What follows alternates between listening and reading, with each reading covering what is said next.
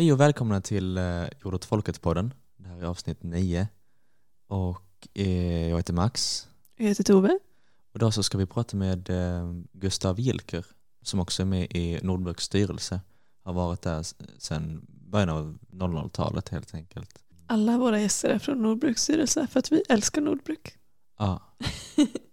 vi, vi, man kan, kan säga att vi, vi är ju en stödorganisation till Nordbruk vid det här laget. Som i sig är en medlemsorganisation i La Via Campesina. Precis. Och eh, Gustav då, han är eh, samisk journalist, eh, jobbat som chefsredaktör bland annat för tidningen Samefolket och eh, även Miljömagasinet, vilket vi kommer gå in på båda två. Och vi kommer helt enkelt låta Gustav presentera sig själv lite mer också. Eh, så vi sätter igång. Vi kanske också kan säga att eh, vi har tänkt att vi ska försöka ha med Gustav som gäst fler gånger och eh, ha olika teman. Så därför kanske det här blir ett lite kortare avsnitt. Kanske. Vi får se. Men då släpper vi in eh, och välkomnar Gustav. Ja. Välkommen hit då Gustav. Ja, tack. Hej Gustav, vill, vill du presentera dig själv mer och gå in lite på hur länge du har arbetat med de här frågorna och så? Eh, ja, jag har väl eh, arbetat med just den här typen av frågor som eh, berör eh, näringsfrågor och eh, kampen för matsuveränitet, självbestämmande. Allt sedan jag hamnade på Sameradion 1988 och, eller 89 var det. Och då har jag lärt känna samiska förhållanden ganska ingående som eh, redaktör då och eh, eh, producent för radioprogrammet Sami Sagat. Sen efter det så fortsatte jag och- och blev värvad som chefredaktör för tidningen Samefolket i Östersund som är den största samiska tidningen en, med en ganska lång historia bakom sig ända sedan 1919. Och eh, den eh, ägs utav en stiftelse bestående utav den samiska kulturorganisationen Samvietnam och eh, den samiska näringslivsorganisationen Svenska Samernas Riksförbund. Så, och, och efter det så har jag hamnat eh, hos, eh, ja, i, med Nordbruk i, genom att jag eh, försökte själv starta en tidning och eh, driva de här frågorna utifrån ett, eh, en annan grund. Och eh, det skedde väl ungefär, vad kan det säga, 2005 kanske, 2006. Och sen har jag hamnat i styrelsen och eh, där sitter jag fortfarande. Jag har jobbat annars med, vad kan man säga, andliga frågor eftersom jag är engagerad inom frikyrkan kan man säga. Och det gör att jag också har tittat på frikyrkans betydelse, kan man säga väckelsehistoriskt, med hur den kom att påverka eh, det som eh, senare har kommit att kallas för den samiska kulturrörelsen i början på 1900-talet. Och eh, den frikyrkan har ju, oftast förbigåtts när man har försökt beskriva samernas frigörelsekamp. Ändå har den haft en väldigt stor betydelse och eh, det har jag ägnat ganska mycket tid åt på sista tiden.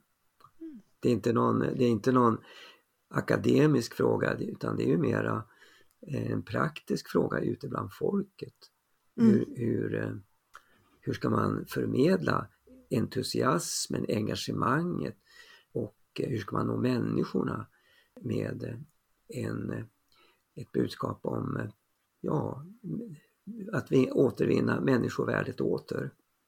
Jag, jag menar ju att, då, att det är värdegrunden, värdenormerna som är det viktigaste i den här kampen och att man måste vara buren av ett starkt eh, engagemang när det gäller att, eh, att förmedla positiva eh, värdegrunder eftersom jag ser ju just samefolket som ett, ett folk som är ganska berört av alla destruktiva krafter, alla negativa krafter.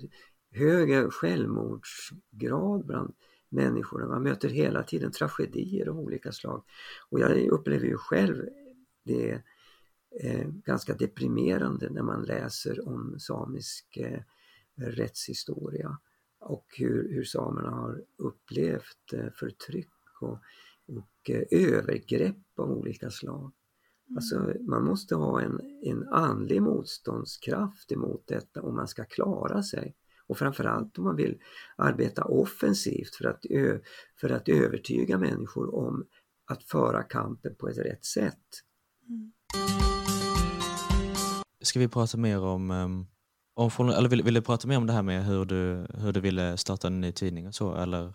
Ja, att jag, jag såg ju, jag var med, var med i eh, Samefolket eh, och framförde då idén om att eh, för att bättra på ekonomin ge ut en eh, dagstidning istället för istället för som så, månadstidning som den kom ut tidigare. Så månadstidningen var det ju helt beroende av ett anslag från Sametingets kulturråd.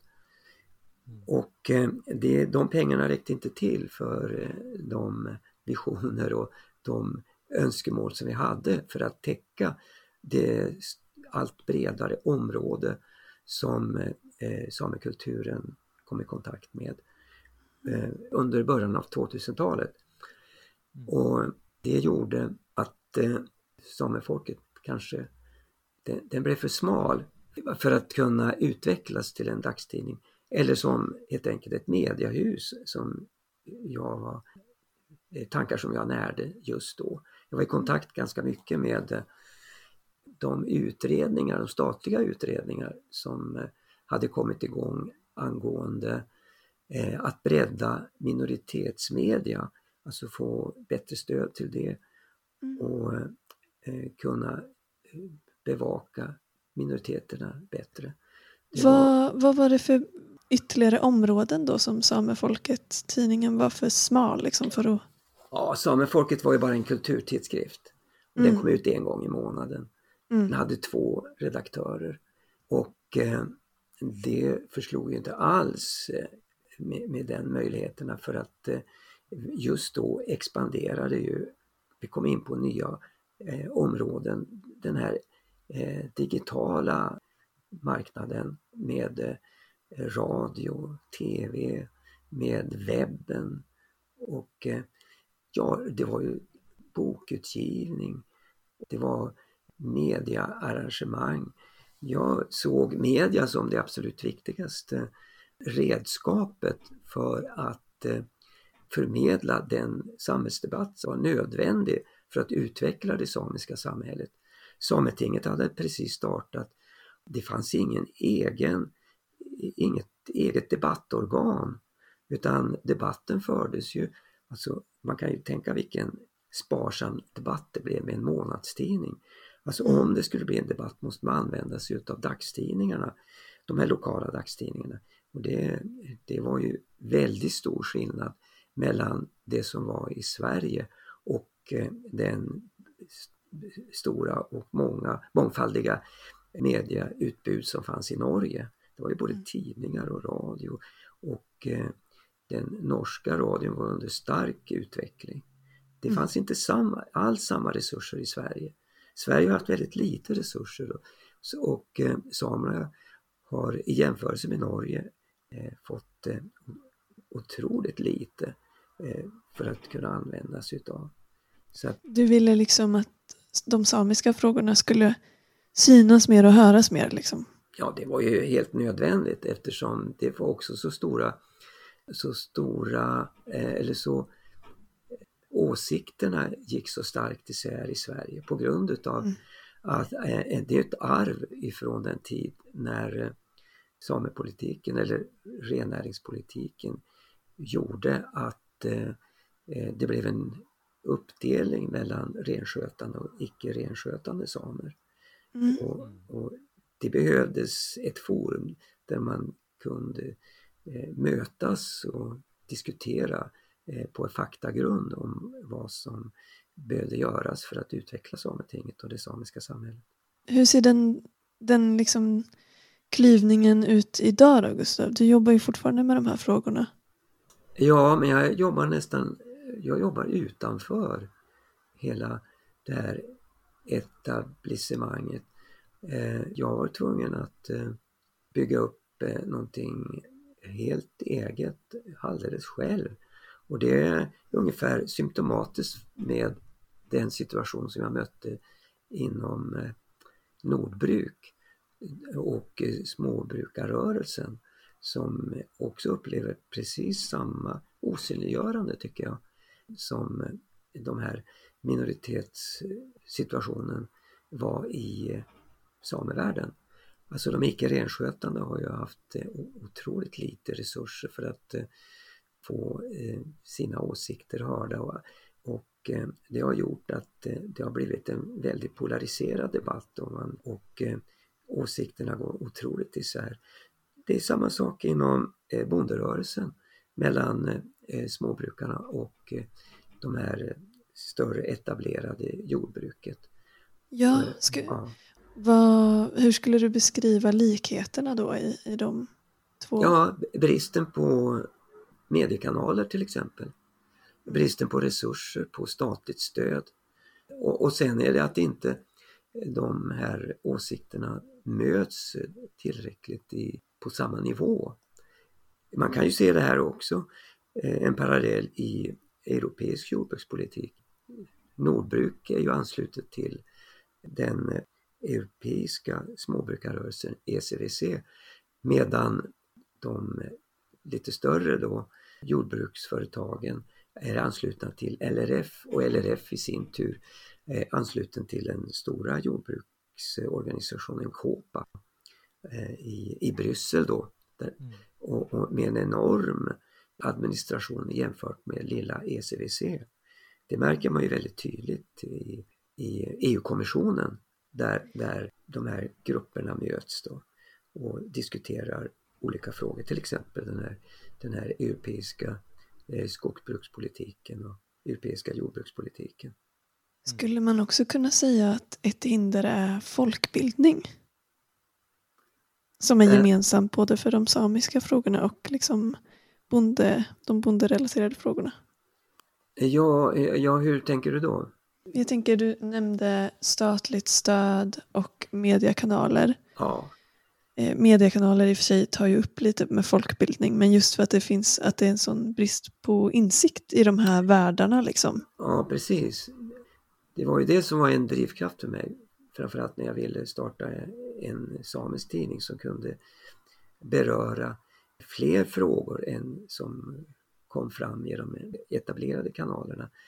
Eh, på samma sätt är det ju med eh, min situation upplever jag här i Nordbruk att eh, vi har ju eh, en enorm utmaning och, och, det gäller just det här med eh, utbildning och information om de här frågorna utifrån det annorlunda perspektiv som vi har i Nordbruk. Vi utgår ifrån helt olika förutsättningar och, och mm. det gör ju att Eh, många förstår helt enkelt inte de diskussioner som vi för och de här debatterna som vi vill komma in i. Och man, man eh, upplever oftast som om att vi inte har frågor som är relevanta till situationen som den är. Det beror ju helt och hållet på att eh, vi här i Sverige har eh, tvingats anpassa oss så väldigt mycket till den europeiska jordbrukspolitiken. Så att dels har många utav de här småbönderna slagits ut och, och eh, frågorna av, av det skälet inte kommer fram. Det, mm. det är en viktig, det är en viktig sak. Mm. Men, men, sen är det ju det här att vi är så små att eh, vi har ju inte möjlighet att kunna eh, få några egna, eget stöd ifrån, ifrån samhället. Man ser på, eh, på organiseringen då som du säger nu att Nordbruk är små och jordbruksdebattklimatet domineras ju i stort sett av LRF. Ja. Eh, hur ser det ut med organisationer och så inom samevärlden och renskötandet? Ja, det är ju samma sak där att eh, debatten domineras utav den, den stora näringsorganisationen Svenska Samernas Riksförbund. Medan andra som är kritiska till många av deras både projekt och deras frågor inte alls kommer fram på samma sätt. Och jag har ju själv då haft mycket, mycket kontakt då med de alternativa same rennäringsorganisationerna. De, de har till och med försvunnit nu, de finns inte kvar ens. Mm. Men de försökte komma fram i alla fall på 50 och framförallt 60-talet. Och eh, varför jag känner till det, det beror på att eh, min morbror var väldigt engagerad i den frågan, att lyfta fram de alternativa frågorna inom rennäringen. Och eh, han hette eh, Erik Nilsson Mankok och blev många gånger beskriven som eh, samernas chefsideolog, lite ironiskt mm. kanske. Men han var ganska ensam om sin ideologiska kamp och hade några små organisationer bakom sig. Det här kom ju fram lite grann under Sametingsvalet, första Sametingsvalet eh, som skedde, vad kan det vara, 1998 eller något sånt där. Men sen har, har de frågorna dött ut. Mycket beroende på bristen på möjligheter att eh, bygga upp eh, en or ordentlig organisation med en ordentlig partiapparat. Och kanske också på grund av den här tystnadskulturen som du nämnde innan Gustav. Att, för det är ju någonting som vi brukar prata om har drabbat även liksom eh, frågan om småbrukare och jordbruket ja. generellt sedan 90-talet. Liksom. Ja, och det, och det beror väl på att eh, de här små organisationerna inte heller har haft resurserna att, att eh, fånga upp duktiga debattörer eller duktiga marknadsförare om man ska, om man ska använda det ordet. Mm. Så det, det, det, är ju det som små organisationer får kämpa med hela tiden. Mm. mm. Utan det som är drivkraften blir då förstås eh, det personliga engagemanget, övertygelserna, visionerna. Men det, det kommer väl man en bit på men inte, så, inte alltid så särskilt långt. Nej, precis. Eh, jag tänker på andra likheter och eh, gemensamma saker eh, och skillnader mellan eh, ja, jordbrukskampen och, och, och okay. i samevärlden. Och ifall man kollar historiskt, för det är väl delvis också delar historien med till exempel baggböleriet och sen går det isär och sådär. Men kan man kolla på lite historiska orsaker till varför det ser ut som det gör? Då? Alltså jag har ju i Nordbruk eh, upplevt eh, en stor förståelse för rennäringen. Och eh, en sak är ju att rennäringen egentligen har mest samarbetat med LRF i olika projekt. Det gäller skogsbruk och eh, framförallt är det skogsbruk och sen är det väl en del andra frågor också. Vad ska det vara? Ja, skogsbruk framförallt då. Och eh, då, då har jag ställt frågan också till eh, representanter för SSR varför man inte söker närmare kontakt med eh, eh, dels Nordbruk men också den organisation som Nordbruk är ansluten till på mm. europeiskt område, ECVC. Därför att eh, det tycker jag skulle varit en mer naturlig samarbetspartner. Och eh, jag upplevde det särskilt tydligt i samband med kampen för eh, matsuveränitet som eh, ECVC deltog i tillsammans med den globala alternativa jordbrukarrörelsen Via Campesina. Och eh, jag deltog på en del internationella konferenser, deltog i eh, ECVCs generalförsamling och märkte hur nära ECVC stod eh, rennäringen. Framförallt eh, vad rennäringen skulle kunnat, rennäringsorganisationen skulle kunnat lära sig utav ett samarbete med ECVC eller via Campesina. Mm. Något sådant samarbete har inte funnits. Men, men eh, framförallt var ju det här att eh, man inom via Campesina då, tog upp kampen för erkännandet utav att varje, varje nation, varje folk för sig skulle själv få utforma sin livsmedelspolitik eh, och inte hamna under de krafter som eh, de globala marknadskrafterna skapade. Risken var ju att eh, maten skulle hamna och bli ett spekulationsobjekt mm. vid den här tidpunkten som jag kom i kontakt med ECVC och Via Campesina. Jag var till exempel på ett WTO-möte i, i Hongkong och eh, där fick jag ju ganska klart eh, för mig att eh, vid den tidpunkten arbetade Via Campesina mera som en, som en aktivistorganisation och försökte genom sina diskussioner och sina förhandlingar med staterna få till stånd gynnsammare förhållanden för jordbruket. Men syftet var i slutändan att få FN att engagera sig i matfrågorna, i rätten för mat och eh, mm. det här med att eh, få kontrollen över livsmedelsproduktionen. Och det uttalades väldigt tydligt då, märkte jag, under WTO-mötet, i, alltså i de här diskussionerna som Eh, via Campesina hade inför de här förhandlingarna med i WTO.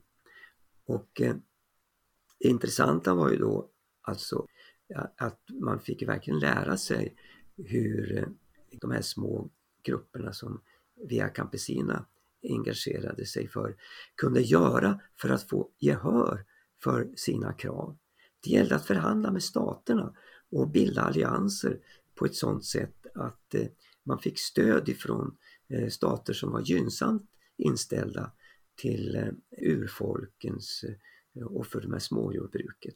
Framförallt då Brasilien, Indien, Korea, Japan. Och, och, inte på samma sätt hos EU eller andra som står för de, den stora matproduktionen.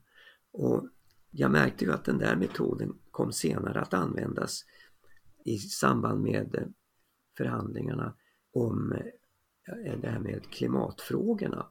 Att det var precis samma metoder här, att eh, bilda allianser så att man kom fram i de här stora arenorna och fick göra sina åsikter gällande. Alltså där, skapa där, solidaritet? Ja, liksom. där tyckte jag att där har eh, SSR och samerna gått miste om väldigt mycket kunskap genom att, man har ställt, att, genom att man har ställt sig utanför den här alternativrörelsen som jag vill kalla det för. Mm. Eh, alltså att man, att man inte har engagerat sig mera i eh, den, den, den, rörelse som ECVC och Via Campesina var inbegripna i. Mm. Mm. Förlåt, SSR? Ja, det är Svenska Samernas Riksförbund. Mm. Det är den organisation som representerar de flesta samebyar. Eh, det är en näringslivsorganisation. Det finns en och annan sameby som har ställt sig utanför och eh, de har bildat ett, ett, eh, en alternativ rennäringsorganisation. Och eh, de har inte samma möjligheter att göra sig gällande men de är i alla fall erkända utav regeringen, bjuds in till eh, förhandlingar med regeringen när det gäller statliga beviljanden för eh, rennäring och eh, för mat till exempel. Mm. Men då kanske vi ska för oss själva bara måla upp en liten bild av vad vi har pratat om hittills ja. så att vi kan liksom följa den röda tråden lite för, ja. för det här avsnittet. Liksom. Eh, vad tycker ni om att gå in mer på och prata liksom om, om mer djupare om likheterna i kamperna. För, eller jag, jag tänkte på det här med LRF och eh, SSR. Eh, ja, precis. Att, att det har hänt lite samma sak där. Eh, alltså ett, en ganska nyliberal eh, organisation har blivit den enda organisationen, eller inte den enda men den största, liksom, den talande organisationen. Och eh, att alternativrörelserna... En, en, en nyliberal organisation, vad syftar du på då? Nu tänkte jag mest på LRF. Ja, tycker du att det är en nyliberal organisation? Ja. ja, det, ja, det har du rätt Alltså med tanke på att de liksom i Bryssel, eller att de i Sverige kan vara ganska så här, välj svenskt och vi ska rösta för det här och Sverige ska behålla suveräniteten här i landet nationellt och sen i Bryssel så röstar de på annat sätt som ofta är mer liberalt och liksom frihandelsvänligt och marknadsvänligt och så. Liksom. Att, att det, är det, det är det som är bakgrunden till, till varför jag kallar det för nyliberalt. Ja, Ja, det är spår, spårbytet 89 och Ja men Ja. precis, att de, att de först var eh, mer kritiska mot EU och eh, avregleringarna och sen då bytte spår. Eh, ja. Och ville att medlemmarna skulle acceptera förändringarna. Liksom. Ja, alltså jag, jag vill inte göra någon likhet i den meningen med SSR. För jag, Nej. jag tycker inte att det är en nyliberal Nej, organisation. det var, Nej. det var mer att jag försökte måla upp liksom vad, vad, vad man kan dra för gemensamma punkter mellan vad som har, alltså just med att det är en dominant organisation. Ja. Ehm, Ja, jag skulle vilja säga att deras, eh, deras betydelse har varit hämmande kanske i andra, andra frågor. Till Mm. exempel just att eh, deras eh, försiktighet eh, vad gäller att närma sig de alternativa rörelserna. Det tycker Mm. jag är väldigt besvärande. Och jag har tagit upp den frågan många gånger med ledande personer inom SSR. Va- Varför samarbetar ni inte mera med alternativrörelsen och med miljörörelsen? Det kan hända att, att eh, miljörörelsen gör att, eh, som då Nordbruk mycket eh, eh, har i alla fall en viss koppling till, kanske det är skrämmande därför att miljörörelsen den eh, utmålas ju också som ett, som ett stort hot då, inom rennäringen, till exempel genom rovdjurspolitiken och eh, genom eh, deras, eh, ska säga, energipolitik. Eller det här med rennäringen är beroende av snöskotrar och en ökande maskinpark där eh, Miljöpartiet då, som sitter i regeringen påverkar eh, regeringen till eh, att ta beslut som på många sätt går emot och drabbar de enskilda renägarna ekonomiskt genom fördyrande bränsle och att hela det här miljötänkandet, det är ganska dyrt blir det ju. Och sen skapas det och ibland också en nidbild kan man väl säga, en vrångbild i alla fall utav att samerna bidrar till miljöförstöringen genom skotertrafik och genom fyrhjulsdrivna eh, fordon i, i naturen och genom en, en renskötsel som eh, också då eh, ibland beskrivs som eh, att den inte är miljövänlig helt enkelt. va. Mm. Och, och sen har vi det här just också med eh, köttproduktion. Det är ju inte heller någonting som eh, är, är miljörörelsen ligger så varmt om hjärtat. Utan då är det ju att man ska gå över till vegetabilier och man ska helt enkelt det är, jag märkte det på Miljömagasinet där jag var redaktör. Så fort jag hade slutat på eh, Samefolket som redaktör så hamnade jag ju direkt på eh, Miljömagasinets redaktion. Först så var det för att jag ville ha ett samarbete mellan mitt tidningsprojekt och eh, Miljömagasinet, eventuellt ge ut tidningen som en bilaga i Miljömagasinet eftersom jag, jag hade stor sympati för den öppenhet som eh, miljörörelsen visade mot samerna. Mm. Och jag har inte sett något annat parti som har varit så samevänliga än Miljöpartiet. Och det var, fanns ju fullt av på eh, Miljömagasinet. Så även om Miljömagasinet hade en väldigt kritisk inställning till, till Miljöpartiet. Men, men eh, det gjorde ju att jag först började eh, jobba lite på, vad ska man säga, projektbasis tillsammans med eh, Miljömagasinet. Sen eh, på slutet då, för några år sedan, vad kan det vara, 2016, eh, blev redaktionschef på Miljömagasinet och eh, då stod för själva slutprodukten som kom ut till läsarna. Fick kontakt med väldigt många entusiaster och nytänkare och inspiratörer av olika slag.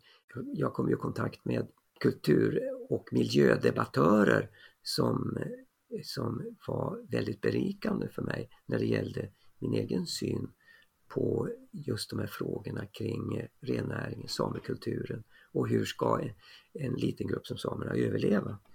Och eh, Miljöpartiet hade till och med under den här tidpunkten valt in en renskötare i partistyrelsen, Olof T Johansson. Och eh, jag hade ju väldigt nära eh, kontakter med honom och eh, diskussioner.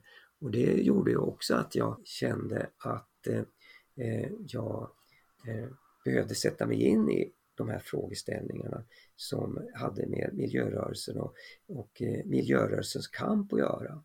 Det här var ju en väldigt viktig sak tycker jag och det var i samband med det som jag också kom i kontakt med Nordbruk på det, det sätt som gjorde att vi fick ett väldigt nära samarbete och framförallt med ordföranden Torgny Östling.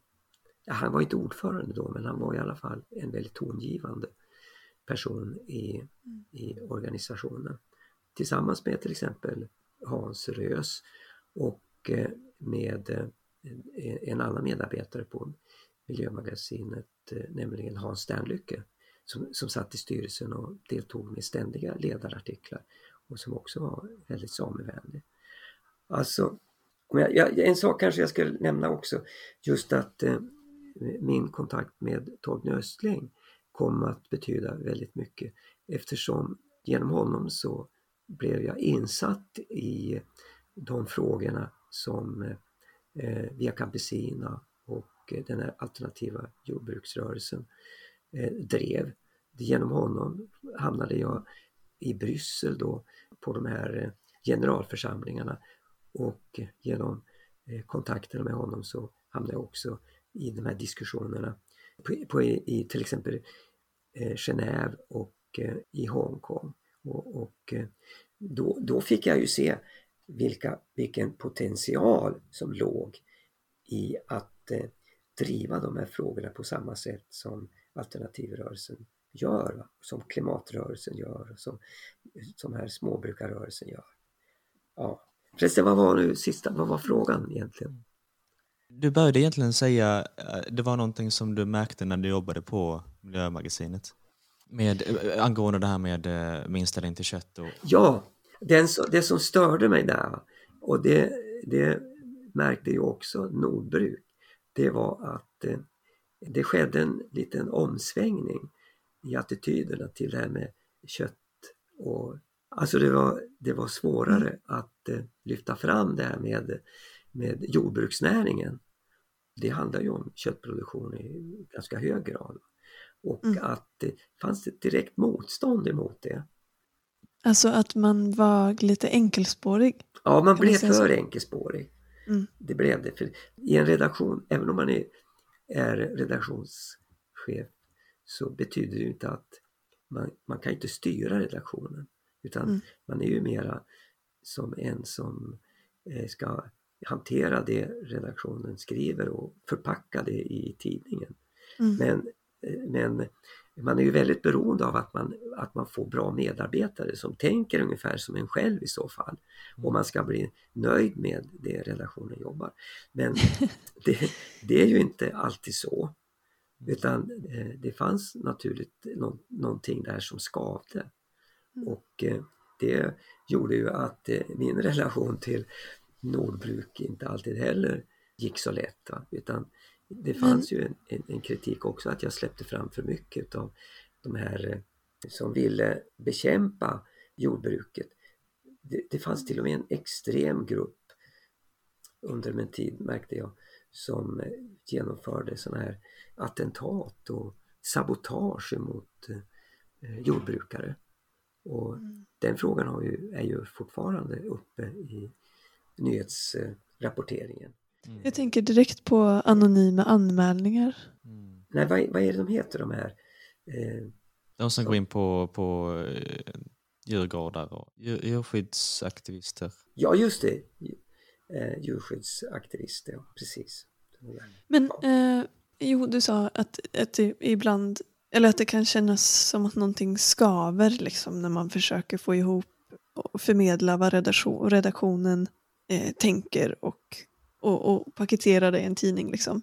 Jag tänker, det som skaver mest, är det när, när det blir just för enkelspårigt och man lyfter främst ett perspektiv? Eller är det liksom, skaver det mer när man får spridda åsikter och, och texter? Liksom? Nej, det gör absolut inte. Mångfalden, den hyllar ju jag. Jag vill ju att det ska komma fram så många åsikter som möjligt.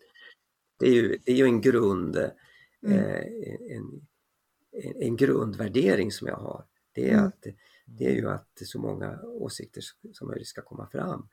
Men på en sån tidning som Miljömagasinet så den är ju, det är ju en, en, en grön tidning och den vänder sig till en viss typ av läsare.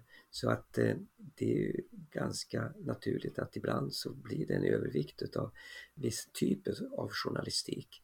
Eh, jag skulle vilja ha en kanske en miljötidning som fokuserar eller lyfter fram andra frågor. Men det är ju de diskussionerna som redaktionen hela tiden för. Alltså hur ska man bredda innehållet? Hur ska man få fram det man vill vill förmedla egentligen. Hur ska man stödja utvecklingen på bästa sätt? Ja, och eh, jag fick inte fram tillräckligt mycket artiklar om eh, till exempel samerna eller tillräckligt mycket artiklar om just eh, det Via Campesina stod för. Mm. Nej. Nej. Lång diskussion innan jag kom fram till det här.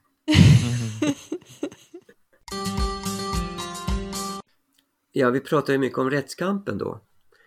Och, och eh, rättskampen, det är en ganska naturlig fråga för mig eftersom min bakgrund, min familj har varit direkt eh, inblandad i just den här kampen genom min morfar till exempel var, valdes till ordförande i, den, i den första, det första samiska landsmötet 1918.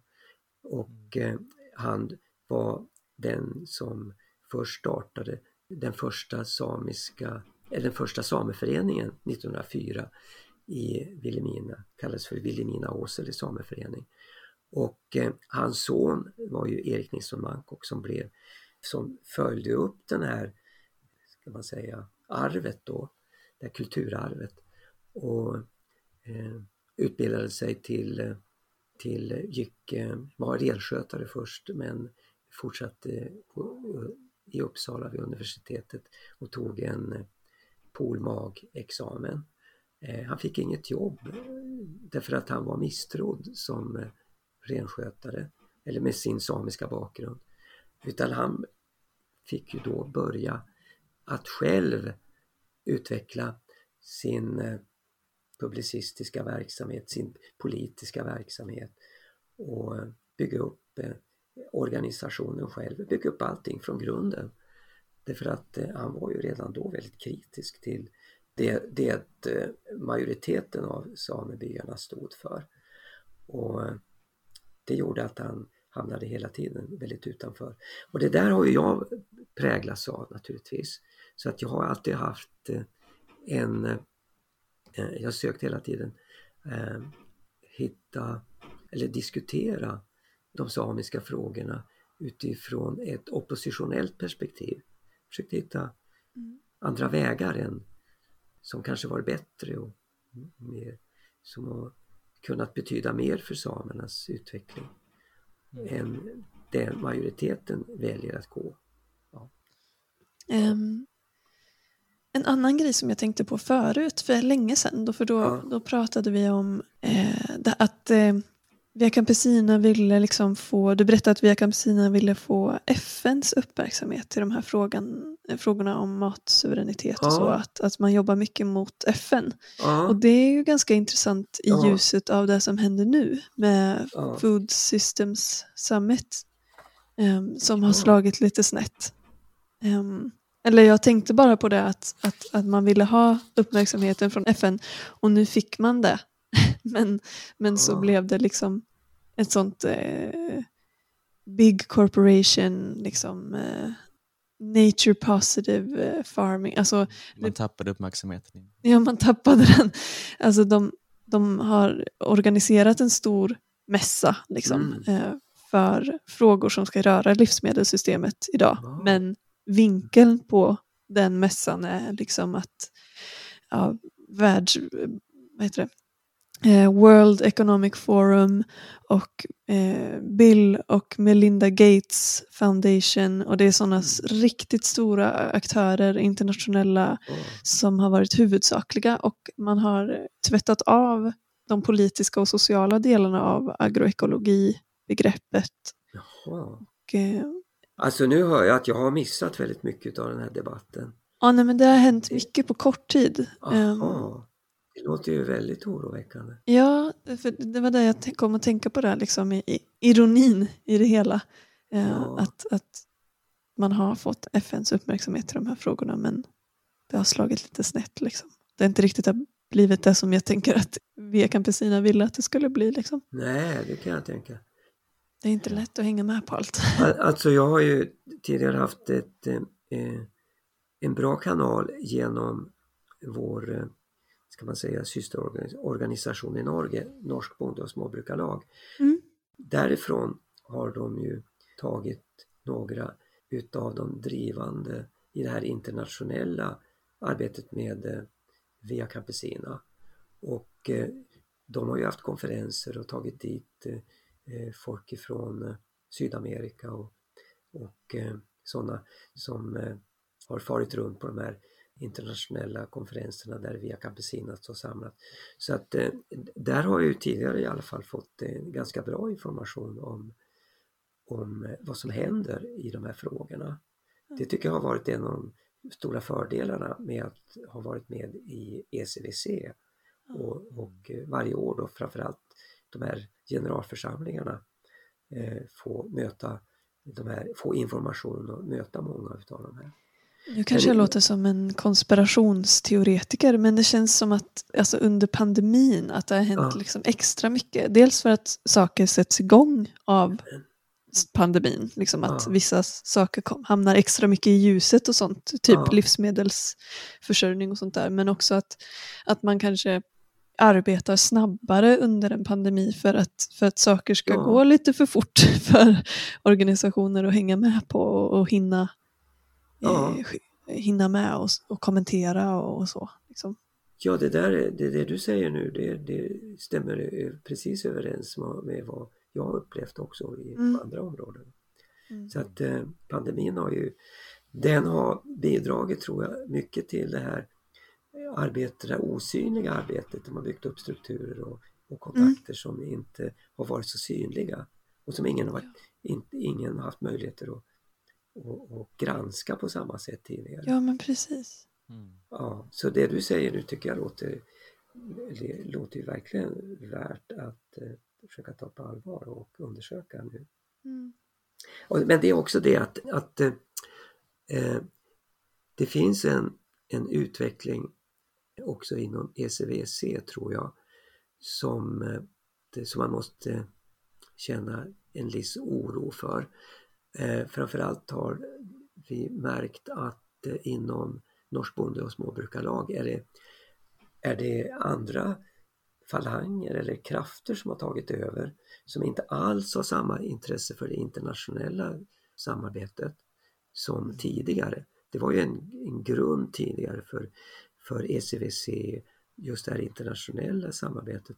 Det var det som har gjort att, eh, att det kändes så viktigt för Nordbruk att vara med.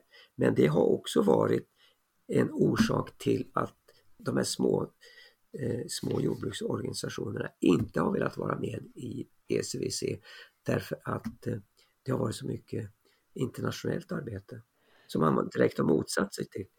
Eh, Ja, jag tänker typ att det är också sådana krafter som, vi har pratat lite om ekofascism.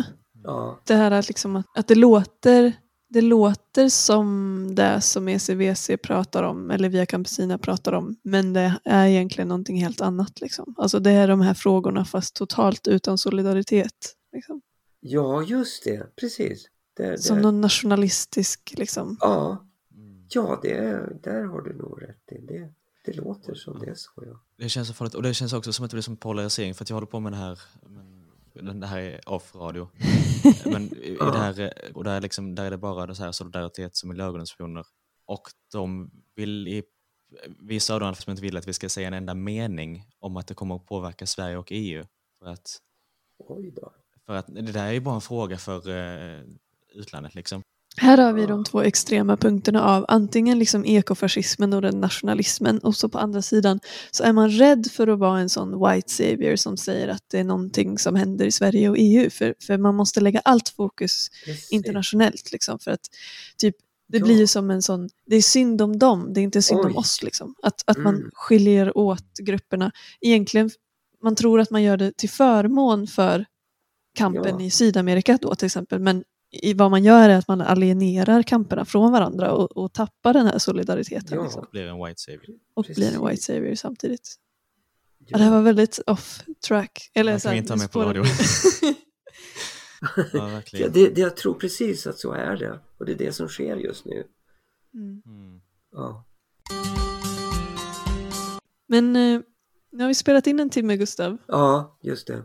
Det var jätteintressant. Ja. Det känns som det är bara att fortsätta. Ja, vi får, vi får väl göra så.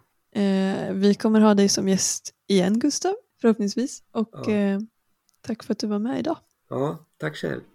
Tack så mycket. Det var roligt att få svara på era frågor. Jag, nu blir jag ju tvungen att och, och, eh, försöka uppdatera mig lite mera på de här frågorna också. Ja, att, Och vi får ju också uppdatera, alltså uppdatera oss och läsa Ja. på och hänga med så Ja. bäst vi kan. okej. Precis. Men då hörs vi snart igen. Ja, vi gör det. Ja. Mm. Ha det bra Gustav. Mm. Hej då. Nu ska jag bara försöka stänga av den här va? Ja. Ja, stopp recording först. Eh, Ja, ska jag Jag gör det, tryck det.